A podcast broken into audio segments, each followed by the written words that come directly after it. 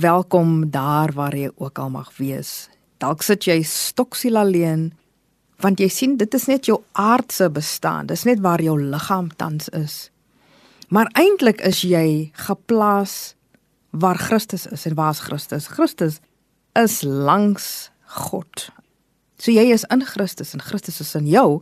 So jy kan mos nou van daai perspektief af besef dat jy is presies waar jy moet wees. Of jy dit nou so beplan het of nie, jy's hier en jy maak saak. Jy moet saak maak vir ander mense ook. As jy alleen is, let wel ek sê nie as jy eensaam is, dit is 'n groot verskil.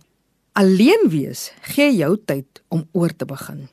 Alleen wees gee jou tyd om nuut te beplan.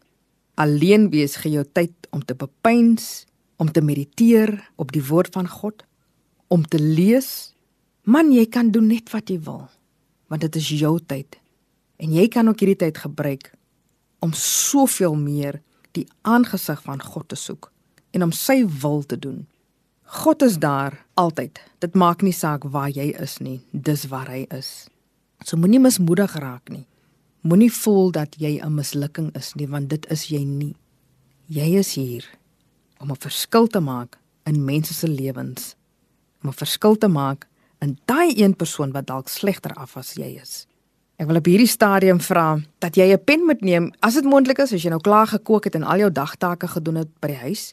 Neem 'n pen en skryf neer al die dinge waarvoor jy dankbaar behoort te wees of waarvoor jy dankbaar is. En dan sal jy sien hoeveel seëninge jy het. So jy's hier. Jy's welkom om te weet waar jy is en maak 'n verskil. Maak dat dit wat jy in jou hande het 'n verskil maak in die volgende persoon se lewe. Of jy nou alleen is en of jy tussen 'n klomp mense is. Jy maak saak. Here lei my in die spore van geregtigheid in U naam se onwil.